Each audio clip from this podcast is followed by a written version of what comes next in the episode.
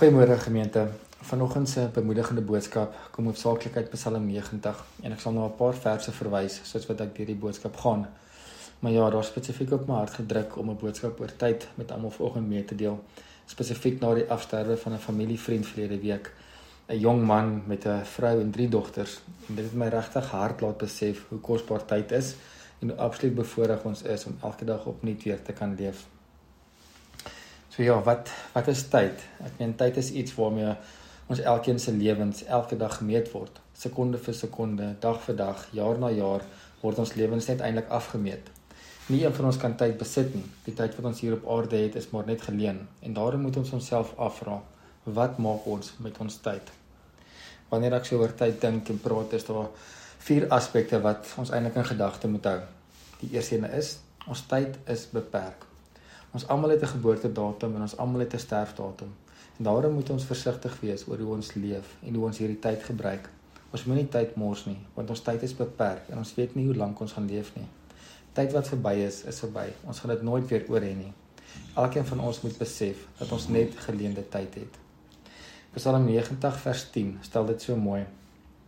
Ons lewe maar net 70 jaar of as ons baie sterk is, 80 en die is vol swaar kry en leed. Dit is gou verby. Ons vlieg na ons einde toe.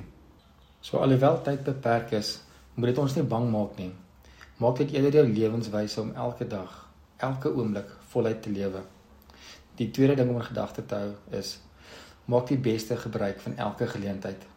Psalm 90 vers 12 stel dit so: Leer ons ons daarso gebruik dat ons wysheid bekom. Dit sê nie ons moet ons dae gebruik om oor môre te bekommer nie, maar eerder om ons tyd verstandig te gebruik om vir vandag te leef. Ons is te geneig om in die toekoms te wil leef. Ek meen selfs in hierdie grendeltydperk is dit so maklik om te sê ek wens hierdie lockdown tyd is al verby of ek wens dinge kan weer terugkeer na normaal en so wens ons ons lewens verby. Onthou, ons moet lewe vir vandag. Selfs al is vandag gevul met storms wat woed of moeilike omstandighede, ons moet die beste gebruik maak van elke geleentheid. Waardeer ook jou geliefdes vandag, want môre kom dalk nooit. Al wat ons het is nou. Die derde gedagte is moenie uitstel nie. Ek seker almal van ons ken die snoesknoppie in die oggend as jy wakker afgaan, veral as jy lekker geslaap het en net nog so 5 minute wil lê. Maar die snoesknoppie is ook nie altyd 'n goeie ding nie. As jy dit aanhou druk, gaan die wekker naderhand nie meer afgaan nie en dan gaan jy verslaap. En dan gaan jy laat wees vir skool of vir werk of dalk 'n belangrike afspraak. Hulle sê mos van uitstel kom afstel.